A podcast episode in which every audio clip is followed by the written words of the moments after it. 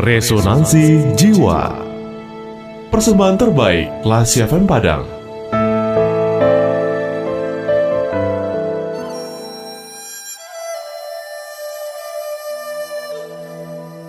Kisah petani yang bijak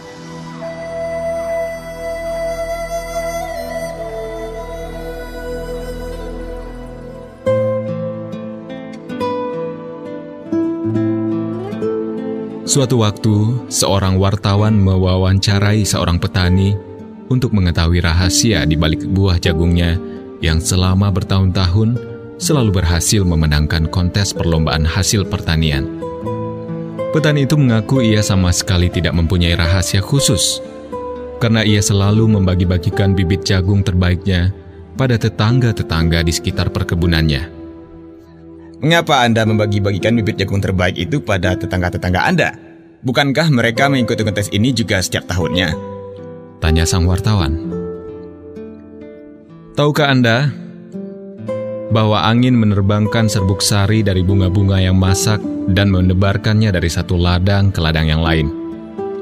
Bila tanaman jagung tetangga saya buruk, maka serbuk sari yang ditebarkan ke ladang saya juga akan buruk. Ini tentu menurunkan kualitas jagung saya.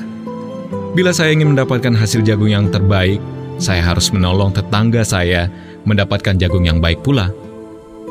Jawab sang petani.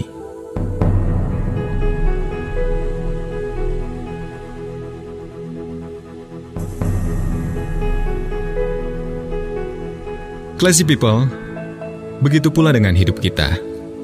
Mereka yang ingin meraih keberhasilan harus menolong tetangganya menjadi berhasil pula. Mereka yang menginginkan hidup dengan baik harus menolong tetangganya hidup dengan baik pula. Nilai dari hidup kita diukur dari kehidupan-kehidupan yang disentuhnya.